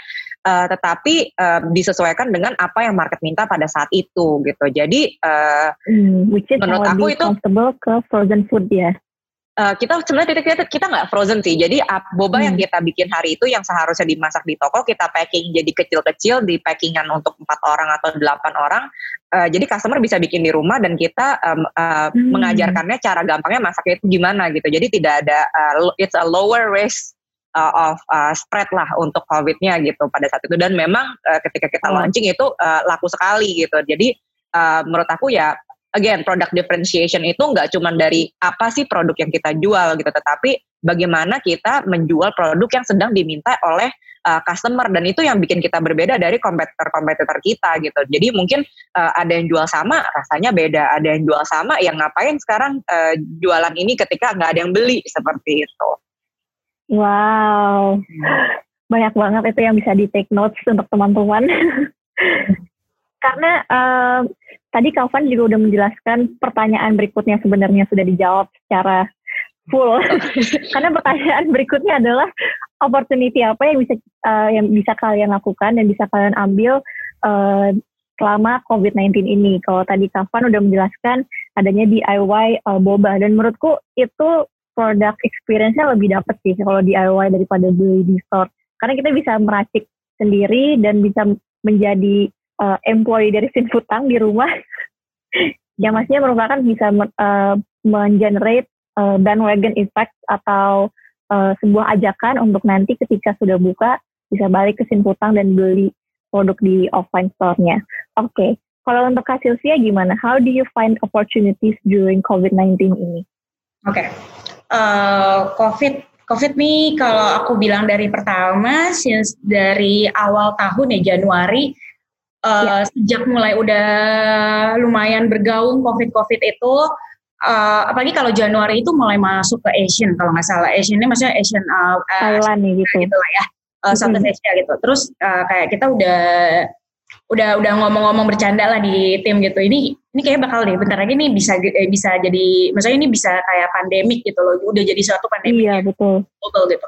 Jadi dari situ aja kita sudah banyak persiapan memang untuk hal itu. Jadi uh, ketika saat mulai agak lebih parahnya di mungkin di bulan Februari or Maret kita sudah uh, semacam udah ada pertahanannya sendiri gitu loh. Kita makanya waktu itu kita udah langsung keluar dengan uh, si satu liternya gitu produk satu liter kopi hmm. uh, ya memang uh, mungkin pas kita lihat behavior orang juga orang mendingan sekalian beli satu gede uh, buat diminum sama keluarga, rame-rame sama keluarga atau uh, biar mereka bisa stok uh, beberapa hari gitu tanpa uh, tanpa pesan terus gitu. Nah itu satu. Uh, kemudian, hmm, nah sebelum adanya COVID juga kita sebenarnya sudah merencanakan uh, kayak bikin produk gitu. Kayak kemarin kita keluarin drip coffee. Drip coffee itu orang uh, ya itu salah satu inovasi kopi su kayak ngeluarin produk retail juga lah biar uh, orang bisa menikmati kopi su di rumah. Itu. Um, kemudian uh, kita juga ada mengeluarkan uh, e-menu uh, e-menu itu nanti bisa lebih detailnya itu di uh, lihat di Instagramnya Kopisu. Ini mungkin akan official launch mungkin baru bulan depan, tapi uh, sudah ada keterangannya di Instagramnya Kopisu. Jadi menu ini kita buat untuk customer yang ingin pesan melalui uh, website Kopisu. Jadi buat orang uh, buat customer-customer yang ingin memesan bisa langsung uh, order di situ dan bisa ada dua pilihan. Satu uh, dikirim oleh kurir Kopisu langsung Kedua, uh, customer bisa datang. Jadi mungkin uh, istilah kerennya mungkin gitu ya? now pick up letter. Mungkin aku mau ah. ya. Jadi tanpa aku harus turun, aku harus uh, ber, uh, ketemu dengan uh, yang lain gitu loh. Jadi kan karena kita pasti proteksi diri di dalam mobil aja gitu loh. Oh, jadi ketika saat uh, pesanannya sudah datang, uh, pesanannya sudah siap, uh, mereka bisa nganterin ke mobil gitu. Itu ada dia semacam aplikasi e-menu itu itu kita uh, juga merencanakan itu selama 2 sampai tiga bulan ini. Ya hopefully lancar dan mudah-mudahan bisa menjadi solusi bagi customer yang misalnya mereka uh, tetap mau minum tanpa harus dine in tapi bagaimana caranya mereka bisa secure untuk tetap pesan kopi su gitu. Hmm oke okay, baik. Um, terima kasih kak Sylvia untuk jawabannya dan juga ke Kak Van pelaku um, franchise business owner, pastinya important juga untuk menanyakan bahwa apakah ada tips and trick untuk franchise beberapa bisnis ke depan post COVID-19 ini. Karena pastinya makin banyak restrictions dan juga regulation untuk membeli suatu produk yang dari luar negeri ke dalam Indonesia. So how do you find that? Yeah, we, we that's actually our biggest problem right now because kita itu sebenarnya uh, Januari lalu kita sudah deal dengan uh, Yao Yao frozen yogurt from Spain uh, yang seharusnya buka di bulan April gitu, tapi kan as we know uh, the situation itu tidak memungkinkan, terus juga iya. nggak uh, cuma Indonesia tapi Europe is being hit hard juga by the uh, by COVID ini gitu. Jadi uh, struggle-nya struggle uh, uh, jujur bahwa Yao Yao ini lebih susah sih pada pengalaman aku ya dibanding uh, bawa sih hutang waktu itu gitu dan jadi dari segi contohnya dari segi marketing untuk ketika kita opening itu kita sudah mengkeras itu 100% tidak bisa dilakukan gitu. Nah, terus uh, dan sampai hari ini jujur aku belum ada jawabannya gitu. Ini ini gimana dan aku memang banking on uh, untuk melihat situasi gimana nanti ketika buka kembali gitu. Jadi sebenarnya pertanyaan kamu aku agak susah jawabnya karena jujur kita juga sedang meraba-raba dengan uh, brand-brand lain yang memang kita sudah lagi ngomongin untuk di pipeline kita di akhir 2020 atau di awal 2021 pun uh, most likely itu kita on hold tapi tidak kita cancel. I think sebenarnya sentimennya itu masih sama ya di seluruh uh, negara sekarang ini iya, dari iya. mereka iya dari mereka juga sampai ada yang bilang uh, oke okay, let's go ahead tapi mungkin nanti dulu gitu karena percuma kalau kita buka dengan situasi sekarang kan uh, kasar ngomongnya untuk memviralkan itu susah gitu. Dan untuk uh, grab customer gini kita establish bis kita yang sudah ada saja tokonya mau keep customer susah apalagi yang baru mau ngambil gitu. Nah kita waktu iya. jadi waktu itu kita apalagi uh, kalau dari sisi international franchise uh, awal itu memang kita berat uh, dari segi capital dari segi modal dari segi market research juga berat. Jadi uh, saya mending nunggu untuk uh, the right time untuk launching seperti itu. Jadi untuk saat ini soft plan-nya adalah Yao Yao have to open by uh, September October this year uh, dan untuk brand-brand lainnya memang kita on hold dulu untuk sementara untuk lihat situasi. Hmm, oke, okay. karena memang uh, COVID-19 ini merupakan situasi yang wait and see banget ya. Kita nggak bisa, yeah. saya bisa predik rasanya kayak tiap minggu ada bad news gitu. And hopefully from hopefully from now on lebih ini lebih lebih ada good news lah. I think uh, um, Amin. looking amin. forward ya nanti juga semoga ketika mall buka people can still uh, follow the new normal protocol. Jadi karena kalau misalnya nanti bisa tutup lagi gitu. Jadi let's let's all be Iya uh, betul. vigilant and healthy deh. Ya. Oke. Em, sekarang kita eh, ke sesi question and answer ya dari beberapa audiens karena wow ini lumayan banyak ada 66 pertanyaan. Dan kita hari ini eh, diskusinya sampai jam 12.30 jadi insya Allah bisa menjawab beberapa pertanyaan. Oke, let's see. Oke, Eh, ini dari anonymous attendee tapi em, bisa applicable untuk Kopisu dan juga Sinfutang. Hai Kak, I'm a fan of Kopisu dan Sinfutang Indonesia. Sukses selalu ya. Saya mau bertanya, berapa akumulasi modal yang perlu disiapkan untuk promosi produk? Terima kasih. Oke, mungkin bisa dijawab dari Kopisu dulu. Lalu ke Sinfutang. Um, Friends, eh, itunya ya. em, kalau dari awal Kopisu itu selalu ngeset budget, ngeset budgetnya. eh, ini aku nggak ngomongin angka dulu kali ya, lebih ngomongin eh, strateginya dulu. Kalau kita itu selalu eh, dari ang- dari budget eh, sekian itu bisa kita dapetin berapa KOL gitu. Eh, itu yang selalu kita pegang sih. Jadi eh, penting banget untuk ngeset budget biar nggak bocor juga gitu. Em, kalau ditanya range berapa dan kita split ya ada yang mungkin eh, ke IG ads, ada yang ke eh, FB dan nanti kita juga akan main di website. Jadi memang kalau untuk sekarang hmm, berapa ya per bulan ya? Mungkin around eh, 15 15 million kali. Oke. Tapi ya eh, angka ya angka hanya angka ya. Juga maksudku eh, yang penting tuh strategi kalian bagaimana kalau eh, kalian punya budget sekian kalian manfaatin bukan berarti kayak eh, oke harus eh, makin banyak budgetnya semua influencer dipakai akhirnya nanti nggak ke curate akhirnya nanti jadi salah target gitu itu yang paling Target penting betul. jangan terpatok sama si angka. Oke, Baik. Kalau Kak Pan? Kalau aku strateginya sebenarnya eh, jujur dari masing-masing franchisee kita ada eh, yearly marketing fee yang dikumpulkan ke pusat agar kita bisa melakukan eh, marketing eh, secara satu Indonesia. Karena marketing itu mahal dan kalau dilakuin sendiri-sendiri biasanya eh, kurang keras ya gongnya gitu. Jadi kurang berasa gitu. Tapi memang eh, marketing lokal itu perlu dilakukan uh, di masing-masing uh, franchise sendiri kalau enggak memang uh, juga kurang jalan gitu. Jadi kalau dari sisi kita sebenarnya kita uh, dari sisi pusat melihat uh, dari total omset itu kita berapa persen yang kita pakai untuk uh, marketing.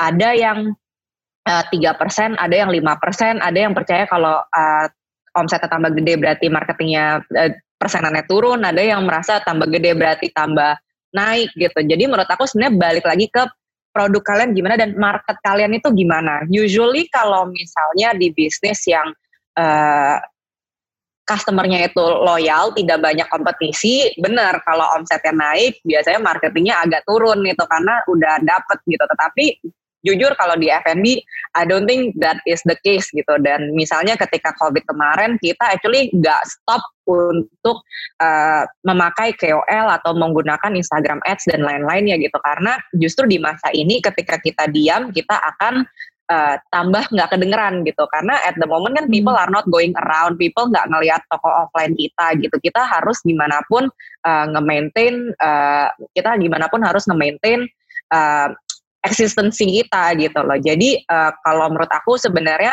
angkanya berapa itu agak susah ya aku ngomongnya karena jujur it's a Uh, basis basisnya balik lagi dari uh, kebutuhannya apa dan uh, budgetnya berapa. Yang yang benar kata Ci Silvi adalah harus dibudgetin gitu. Karena even if kalian punya let's say kasar ngomongnya 100 miliar untuk dijadikan marketing dan kalau kalian akhirnya cuma pasang satu banner dan lewat pesawat which probably cost a lot itu juga belum tentu akan nge-translate menjadi sales kalian dan mungkin kalian malah nggak mendapatkan uang marketing kalian kembali gitu jadi uh, kalau menurut aku adalah uh, budgeting is important, tapi knowing your market for marketing is the most important part gitu. Karena kalau nggak budget yang kalian punya akan ke spend uh, nggak pas dengan apa yang kalian butuhkan. Oke, okay. semoga yeah. terjawab ya. Uh, question berikutnya dari Adelia Suryani. Bagaimana cara mengatasi efek soda seketika brand booming tapi lama-lama sudah biasa saja? Bagaimana cara untuk gain attention kembali? Uh, mungkin dari Kak Sofia dulu. Oke. Okay. Uh, eh, kalau dari aku sendiri percaya sama uh, yang tadi aku selalu sebut adalah konsisten, konsisten uh, dalam produk, kemudian uh, sama inovasi. Hmm. Keep it the innovation, gak hanya dari innovation produk, tapi innovation how to uh, make a good marketing campaign itu menurut aku penting banget. Jadi um, kalau ketika saat mungkin udah di stage mungkin uh, bisnis masuk di tahun uh, let's say dua atau ketiga itu mungkin udah kayak suatu uh, pertanda kayak brand itu mungkin kita harus bawa lebih dewasa gitu loh. Jadi uh, itu akan berpengaruh juga sama campaign yang akan kita lakukan. Gitu. Oke, okay, jadi innovation is the key. Yes, ja, jadi jangan jangan ya. terlalu fokus sama innovation nanti uh, setiap dua bulan sekali atau satu bulan sekali keluar produk keluar baru. produk baru. Iya, yeah, no, no, no, no. Eh, maksudnya uh, itu memang penting gitu, tapi jangan dijadiin fokus utama. Nanti malah kalian lupa dengan apa yang harus kalian lakukan juga sebenarnya komunikasi dan marketing itu ke audiens kalian. Itu sih. Oke, okay. terima kasih Kak Chelsea dan Kak Van. Kalau menurut aku sih, uh, generally there's a few uh, typical uh, mistakes yang dilakukan uh, pebisnis di uh, bidang apa pun yang yang akhirnya ada efek soda ini gitu. Satu, ketika baru buka marketingnya gila banget, terus abis itu pikirnya sudah selesai, terus besokannya marketingnya nol. Nah itu udah uh, susah karena memang iya itu benar-benar harus hand to hand gitu. Kalau misalnya F&B biasanya ketika rame mereka nggak maintain quality gitu. Jadi mereka mikirnya rame, jadi konsennya di kasir, tidak konsen di produksi, akhirnya minuman yang keluar itu tidak sesuai sebenarnya dengan apa yang seharusnya uh, dijual. Nah kalau kayak gitu sebenarnya udah parah karena ketika kita mau bikin customer balik lagi itu lebih mahal dibanding ketika kita uh, mencoba bikin mereka tuh pertama kali beli di kita gitu. Nah, jadi memang kalau di F&B terutama tiap tiap barang yang dijual itu harus sesuai dengan standar apa yang kita mau or at least we try our best uh, agar tidak uh, kena efek soda ini gitu. Karena at the end kalau lidah kita suka biasanya kita bisa kepengen lagi dan mau lagi. Oh dari aku sih kayak gitu. Hmm. Aku setuju banget sih kalau misalnya kita uh, di lidah kita merasa uh, makanan atau minuman yang bisa diterima pasti kita craving for it more dan eventually bakal beli. Dan di situ yeah. uh, di mana kita bisa mengcreate konsistensi dan juga loyalty customer terhadap brand kita. Oke, okay, uh, kita proceed ke pertanyaan berikutnya ya. Sebentar. Oke, okay, um, saya so, ini dari Reynardus. Oke, okay, ini sangat uh, cukup relevan sih untuk F&B yang biasanya selain menggunakan rasa, kita juga menggunakan visualisasi. Saya seorang mahasiswa desainer. Seberapa penting desain sosial media dalam marketing dan bagaimana caranya untuk membuat bisnis tersebut viral? Oke, okay. mungkin kita bisa mulai dari Kak Sylvia. Jadi Kopisu, aku lihat nih di Instagram Kopisu sangat menarik karena udah menggunakan ejaan lama, tapi juga ada beberapa kuis dan juga uh, trivia-trivia seperti itu. Maybe you can answer that. Oke. Okay. Kalau yang paling penting di luar dari bagaimana kamu membuat uh, branding itu bagus, yang paling penting kamu harus tahu target market kamu sih. target market itu penting banget. Uh, ya mungkin awalnya ya uh, gimana sih mikirin target market dan lain-lain, tapi ya memang itu yang paling penting, itu yang menjadi uh, fundamental kita ngebuat branding karena akan berpengaruh misalnya pemilihan warna, pemilihan logo, uh, siapa sih yang akan lihat brand kita? Siapa sih yang nanti akan uh, jadi audiens kita di di Instagram gitu loh. Uh, jangan sampai misalnya target kalian, let's say, hmm, apa ya, bapak-bapak uh, usia sekian.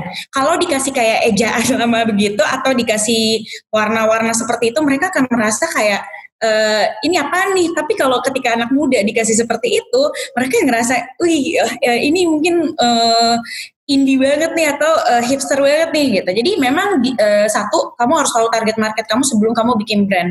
Logo itu juga penting banget. Logo itu yang akan uh, mendefinisikan uh, brand kamu gitu loh. Kalau misalnya kita kayak lihat di Jepang uh, kayak Blue Bottle itu kan coffee kan kuat banget dari segi brand sama uh, dia punya komunitasnya gitu loh. Uh, pemilihannya tuh memang uh, brandingnya tuh keren banget, simple, minimalis, clean seperti itu. Oke, jadi uh, sesuaikan juga uh, branding dan juga target Dengan market target kalian. market itu penting banget Ya. sih. Gitu. Penting banget. Eh, eh, Oke. ya, pokoknya eh, kalau kamu udah punya pegangan itu, kamu bakal lebih enak mengkomunikasikan eh, brand kamu itu.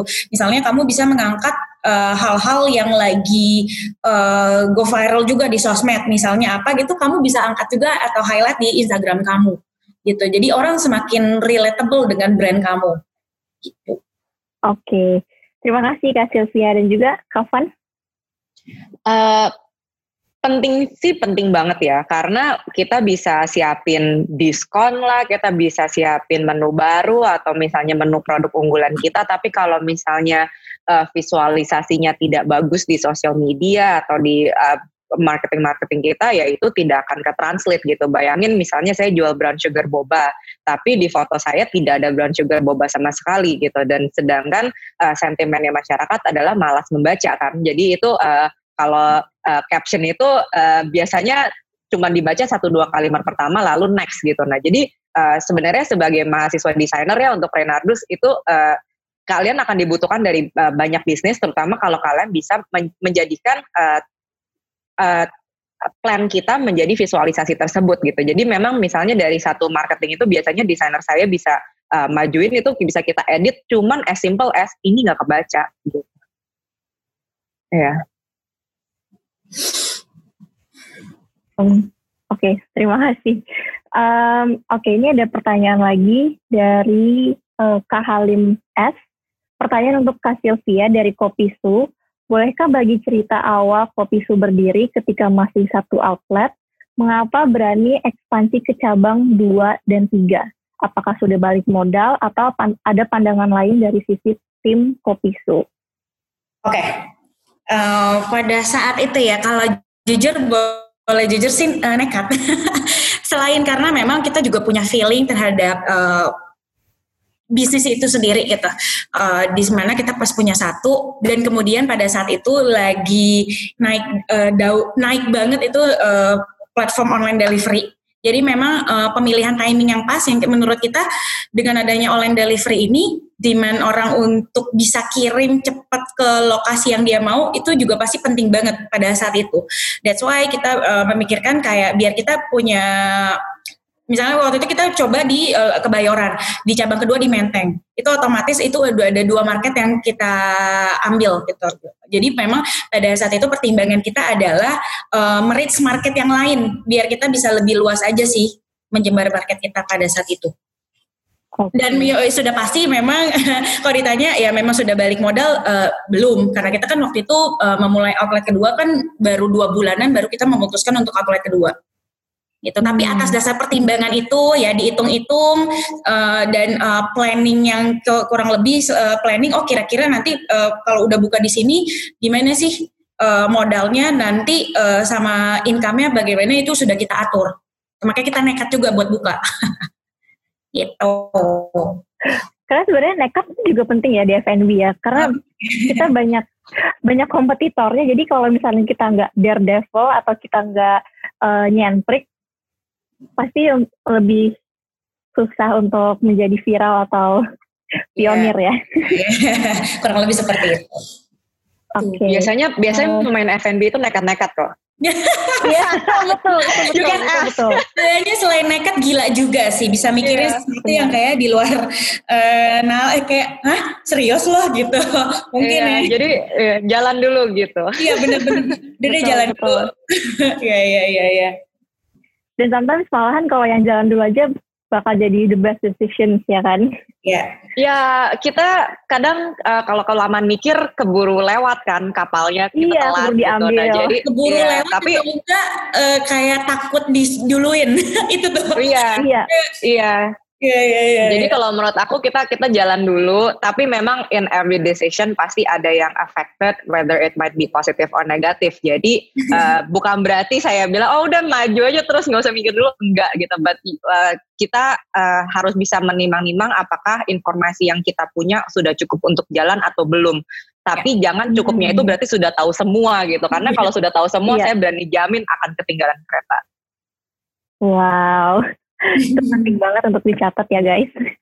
Iya. Oke. By the way ini pertanyaannya banyak sekali ya, ada 81. Wow.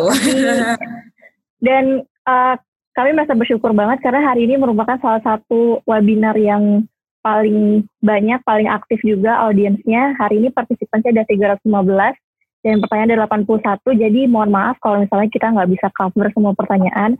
Uh, kita akan mencoba sebaik mungkin, cuman uh, di sini karena ada juga time limit dari um, exabyte sampai jam 12.30, jadi kita mencoba menjawab pertanyaan yang uh, cukup bisa mencakup banyak hal. Oke. di komen ada yang bilang tambah waktu, hehe. Insya Allah ya, nanti uh, berikutnya bisa kita bahas lagi mengenai F&B. Karena menurut, menurutku F&B, F&B ini adalah salah satu industri yang sedang banyak digarap orang. Mau mau dia mempunyai offline store atau online store ataupun juga UKM dan UMKM. Karena banyak banget nih uh, di instastory aku misalnya teman-temanku yang tadinya kita nggak tahu bisa masak apa enggak, cuma gara-gara uh, work from home dan kebanyakan di rumah dan segala macamnya, jadi mencoba-coba untuk masak dan akhirnya jualan. Jadi uh, semoga hari ini uh, banyak uh, ilmu yang bisa didapat oleh kalian semua dan diterapkan di bisnis kalian maupun itu UKM atau mempunyai offline store dan juga online store. Oke, okay, we'll proceed to another question until time is up. Yeah. Um, Oke, okay, ini dari Ronaldo Yolanda. Penasaran dari Ci Silvi, di titik apa akhirnya kopi itu dirasa, wah udah siap nih untuk di-franchise-kan? Atau memang dari awal berdiri sudah langsung menerapkan sistem franchise? Mengingat tidak mudah untuk membuat SOP-nya. Oke, okay. tadi kan sudah dijawab dari Kak Van sebagai franchisee, nah sekarang kita menjawab dari business owner yang udah siap untuk di-franchise-kan. Oke, okay. Um, pada saat itu, bentar, aku kayak agak-agak sedikit flashback lagi ya. Sebenarnya kalau dari awal memang sudah ada keinginan seperti itu. Kemudian pas uh, mulai berjalannya waktu, uh, pas kita baru buka sendiri, beberapa bulan itu lumayan ada yang minta gitu loh. Enggak, bahkan bukan teman-teman yang minta kayak yang minta tuh maksudnya dari customer kita, customer kita yang suka sama rasanya kopi su, uh, udah nanya gitu loh. Uh, ibarat kayak uh, kayak jatuh cinta pada pandangan pertama lah gitu. Jadi pas dia coba suka, dia langsung pengen approach kita untuk kayak ini di franchisein gak? Ini uh, gue boleh buka cabang di sini gak? Gitu awal-awal karena kita belum siap dengan uh, kita harus kayak nyiapin semacam plan yang jelas dulu gitu. Itu yang paling penting. Mungkin kalau bisnis sendiri dijalanin, kalau kita nggak punya plan yang jelas, asal terjun dulu mungkin nggak apa-apa. Tapi ketika saat kita sudah uh, ada keinginan untuk memang mau diperluas lagi marketnya dengan cara kemitraan, itu penting banget kita punya hitung-hitungan. Itu loh, hitung-hitungan udah jelas. Uh, kemudian dari supplier bahan juga udah oke. Okay. Uh, sama apalagi paling penting biasa uh, dari kemitraan kan yang mereka ingin tahu kan adalah mungkin dari segi balik modalnya, sistemnya bagaimana. Nah itu yang ketika saat itu kita udah rampung semua, kita baru siap untuk uh, menyebar si kemitraan itu.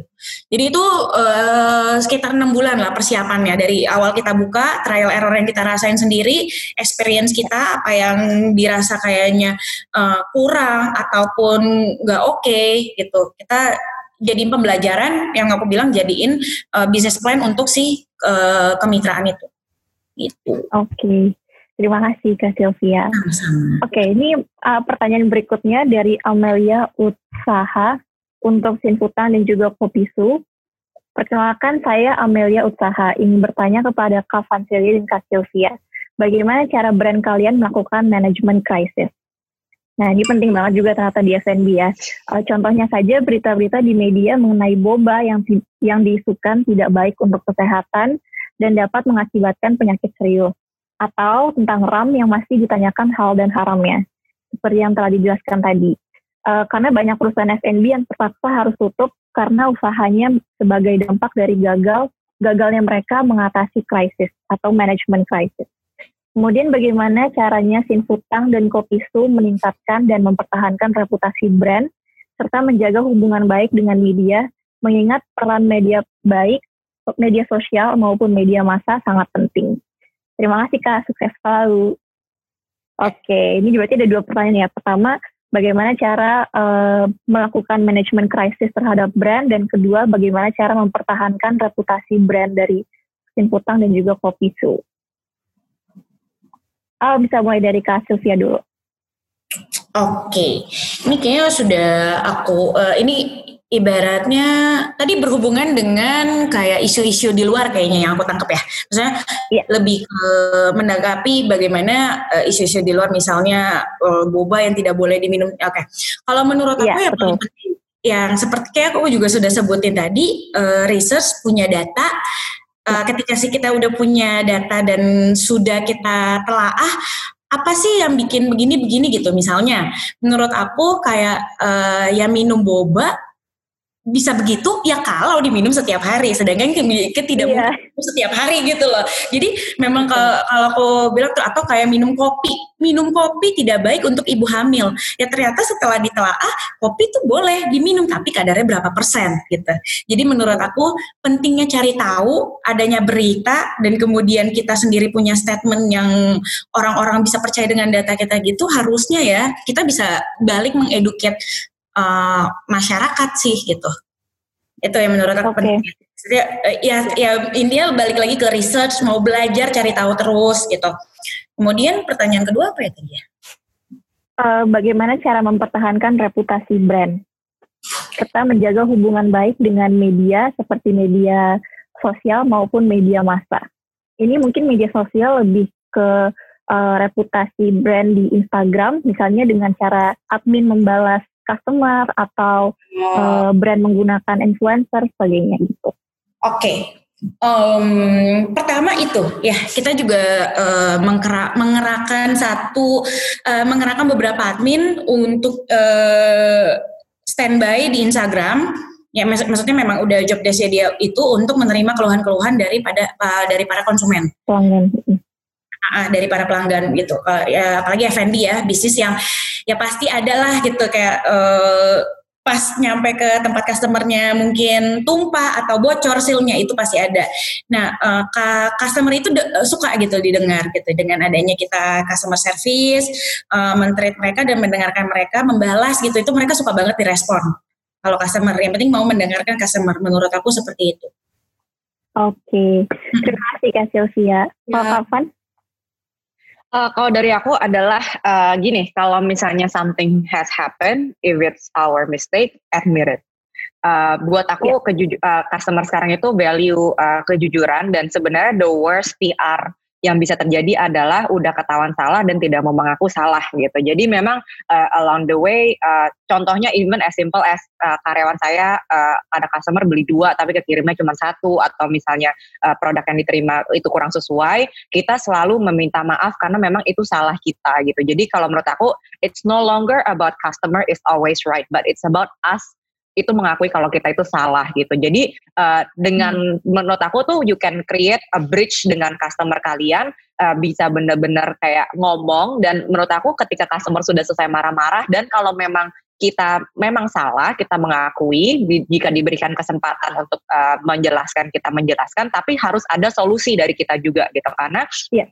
Nah, kalau buat aku uh, satu orang meng-spend money itu sudah biasa, tetapi satu orang actually take the time untuk ngomong sama kita atau untuk ngantri sama kita itu gimana pun salahnya kita atau salahnya customer pun itu harus kita appreciate. Kalau dari kita selalu uh, apa yang aku ngomong ke karyawan-karyawan aku adalah uh, untuk anything yang uh, seperti ini uh, obviously jangan sampai viral untuk memprotek bisnis kita, but bukan cuma jangan viral, tetapi uh, bagaimana kita bisa menggunakan kesempatan itu untuk uh, bridge the gap dengan customer kita dan akhirnya build a successful relationship in the future seperti itu. Wow, jadi memang ada jangka panjangnya ya dari Ya. kejujuran dan pastinya um, ketika brand itu jujur, it will not only make the brand more uh, positive, tapi pastinya ada loyal customer yang bakal balik lagi ke kita. Oke, ini karena pertanyaannya banyak sekali. Ada sekarang pertanyaan ada 76, walaupun tadi udah beberapa dijawab.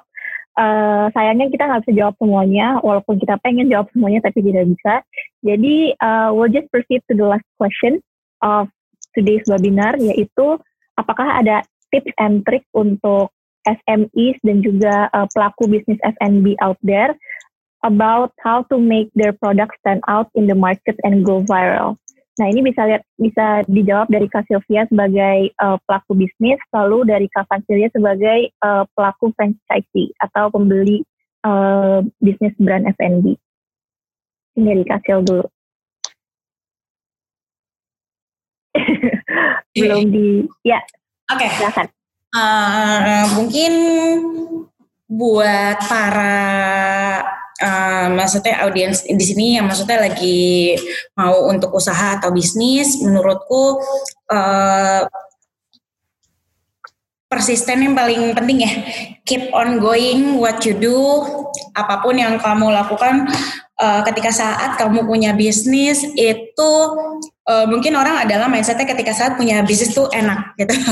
Enak eh nanti bisa ditinggal jadi eh, gue nggak harus eh, standby untuk mungkin kayak kita corporate gitu loh. Jadi eh, semakin aku menjalani bisnis aku akan semakin was dengan perkataan seperti itu gitu. Jadi eh, punya bisnis itu eh, kayak aku pun sendiri kayak 24 jam mikirin tentang bisnis ya, tapi kita seneng gitu loh ngejalanin ya pastikan kalau emang bisnis kamu jalanin itu kamu suka dengan bisnis itu pasti kamu akan into the business banget deh.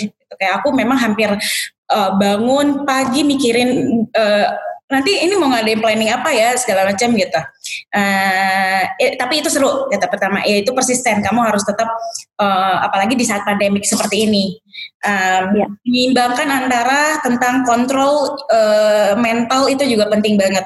Mental ya. Menurut aku itu apalagi di saat pandemik seperti ini mental kita sedang diuji sekali gitu loh. Kalau kita sebagai pelaku bisnis kita sebagai leader kita harus punya mental eh, bagaimana kita jangan eh, kita worry tapi kita nggak bisa eh, membiarkan atau kayak kita share eh, keworian kita terhadap tim-tim kita gitu I- itu yang menurut aku penting banget ya di saat sekarang. gitu.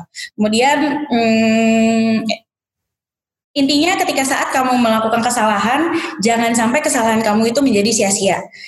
Eh, aku pun pernah menjalani bisnis beberapa kali gitu. Ada yang berhasil, eh, mungkin puji Tuhan seperti kopi su ini. Tapi sebelumnya pun aku banyak menjalani bisnis kecil-kecilan yang mungkin eh nggak terlalu jalan atau mungkin eh, kok lebih gede di operasional gitu-gitu. Aku pernah ngalamin gitu. Jadi jangan sampai kamu menjalani eh, suatu bisnis, kamu pernah ngelakuin kesalahan, belajarlah dari kesalahan kamu. Itu sih. Wow, karena bisnis Itu memang based, based on own experience lah kita. Wow. Dicatat ya teman-teman ya. Being persistent is the key on business, especially F&B. Oke, Yes. terima kasih Kak Siel. Eh, kalau Kak Vanselia? Halo? Sepertinya Kak Van sedang eh, free. Eh, ya Kak Vannya sedang terputus. Aku lagi coba connect lagi ya sama Kak Vannya. Oke, Ya tunggu sebentar, maaf. Iya, iya, iya. Sudah rejoining dianya. Oke. oke. Terima kasih Anggi. Terima kasih juga Kak Kristia. Atau mungkin kita bisa pilih satu pertanyaan untuk kopi su ya. Sambil nunggu Cin Is it okay Kak Sylvia? Boleh, boleh, boleh, monggo. Banyak sekali ya pertanyaannya. Wow. Iya banyak banget loh. Iya, gak apa-apa. Ayo. Halo, Hmm, Eh, udah. sorry tadi tiba-tiba keluar. oh udah. Udah, udah, udah. Oh Tadi aku mau ditanya dulu sorry. katanya. Gak apa-apa, ayo mau Civan. Ternyata udah udah join lagi. Oke, Ya, ya, ya. Kak Van bisa mulai. Gimana gimana? Oke, Iya, iya. eh, aku eh, ulang lagi pertanyaannya. Jadi sebagai franchisee pasti eh, you have some tips for SMEs out there about how to make the product stand out.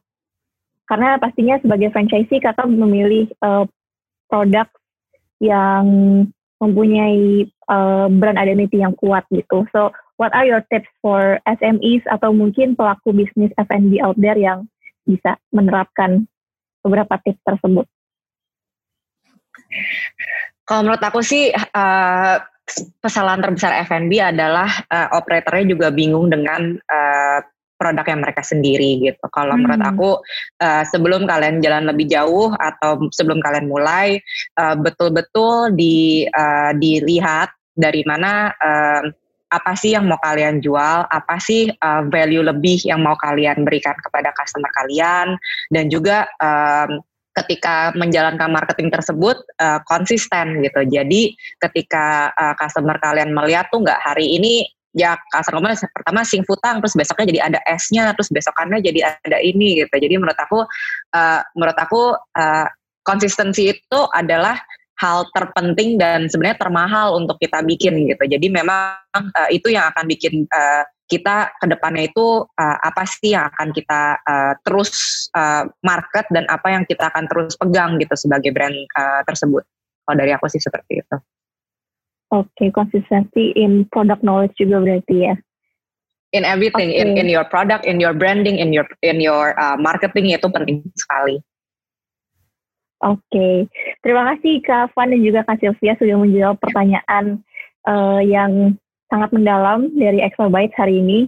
Semoga teman-teman yang join webinar kita hari ini bisa mendapatkan eh, beberapa pencerahan untuk memulai bisnis food and beverages-nya atau makanan dan minuman. Eh, tadi sudah dibahas berapa, seberapa pentingnya untuk mempunyai uh, brand differentiation dan juga product knowledge, consistency, persistence uh, from us as business owners dan juga um, sampai ke operate, operations atau orang-orang yang uh, bekerja sebagai pelang- pelayan dan juga uh, chef dari uh, brand kalian. Gitu. Oke, so terima kasih banyak teman-teman yang sudah hadir hari ini. Ramai banget, ini attendisnya tadi sampai 300-an dan dengan pertanyaan sampai 80-an sangat-sangat bersyukur, tapi mohon maaf sekali lagi tidak bisa menjawab semuanya. Semoga eh, di lain waktu nanti ada ada masa di mana Kak Sylvia dan juga Kak Van bakal eh, join webinar Exabyte lagi dan teman-teman yang tadinya pertanyaan tidak bisa jawab bisa dijawab lagi. bisa Oke. giliran. Iya, bisa giliran. Oke, Oke. aku balik lagi ke Mas Indra dan Kak Sylvia. Oke, terima kasih banyak sebelumnya buat semua teman-teman ada 340-an ya tadi. Sekarang yang stay ada 272 orang. Terima kasih sudah stay sampai di end of this session. Eh, kita bahagia sekali bisa mengumpulkan ada 300-an lebih orang di sesi ini. Semoga semuanya inspired sama Kak Vancelia sama Kak Sylvia like we do. Eh, terima kasih banyak sekali lagi dan seperti yang tadi kita udah bilang, eh, kita sudah memilih 10 orang yang akan mendapatkan voucher eh, produk dari Exabet. Kita pilih 10 orang yang memang lagi punya kebutuhan untuk bikin website sama email bisnis secepatnya biar tidak wasted ya. Jadi emang orang-orang yang emang pu- udah punya tujuan buat bikin, kita akan bantu untuk kasih eh, diskonnya 100 ribu. Eh, selain itu kita juga udah pick 10 per- penanya terbaik yang dari tadi wah semangat banget walaupun mungkin nggak kebagian dibacain questionnya sama moderator tapi at least nanti bisa dapat souvenir dari Exabyte sebagai tanda terima kasih. Eh sekali lagi thank you so much Kak Sylvia sama Kak Vancelia juga Anggi. Aduh such a fruitful sharing session dan kalian tuh magnetnya itu banget ya sampai ada 300-an lebih yang join hari ini. Wow. Brief, Keren briefnya banget, keren 100 banget. loh. Keren banget loh. I wish I wish Briefnya di, di briefing itu tuh 100 ya bener-bener di target audiensnya 100 ternyata 300an yang join. Terima kasih banyak Kak Vancelia, Kak Sylvia, Anggi. Eh, thank you, thank you semua. iya terima kasih. I, I don't think we can do this kalau kalian nggak join. Terima kasih banyak. I don't I hope you don't mind ya buat join event kita selanjutnya Iya, Udah iya, di-propose lagi nih. Makasih banyak sekali lagi. nah, buat teman-teman semuanya, saya reminder ya. Jadi event Exabytes tentu saja tidak berakhir di sini. Kita akan ada banyak event selanjutnya yang teman-teman bisa cek di exabytes.co.id slash event. Di situ semua semua event kita currently free.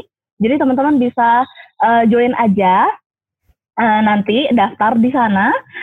Terus uh, feel free kalau mau donate karena uh, donation kalian 100% kita donate kan melalui kitabisa.com. Terima kasih untuk waktunya hari ini dan sesi ini kita uh, live di Facebook tadi ada video recordnya juga. Nanti akan di rebroadcast juga di YouTube channelnya Exabet Indonesia serta akan ada di Spotify.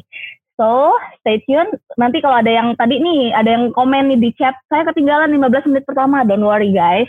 Kalian masih bisa revisit dan nonton lagi. Oke? Okay? Sekali lagi terima Siap. kasih semuanya. Mungkin Mas Indra ada yang mau ditambahkan, Mas Indra? Ya, tadi uh, sudah kebanyakan sudah di, diambil semua sama Kristia, tapi ya uh, terakhir saya ber, lagi uh, terima kasih kepada Mbak Sylvia dan Mbak uh, uh, uh, Vansela ya yang hari ini sudah uh, join kita dan tadi uh, reminder saya nggak nggak habis habisnya jadi uh, jangan berhenti di sini untuk para attendance karena kita masih ada annual event yang uh, scale-nya lebih besar dan uh, lebih insightful untuk untuk topik-topiknya. Jadi uh, stay tune di exabet.id slash events. Uh, itu aja sih. Makasih Mbak Lucia. Terima kasih banyak semuanya. Stay safe, stay healthy, uh, bahagia terus, dan semoga teman-teman semua tetap semangat dan tidak give up sama bisnisnya ya. Terima kasih. Mantap. Saya Anne ya. Terima kasih banyak semuanya. Bye Terima bye. kasih semuanya. Thank you. Thank you. Thank you.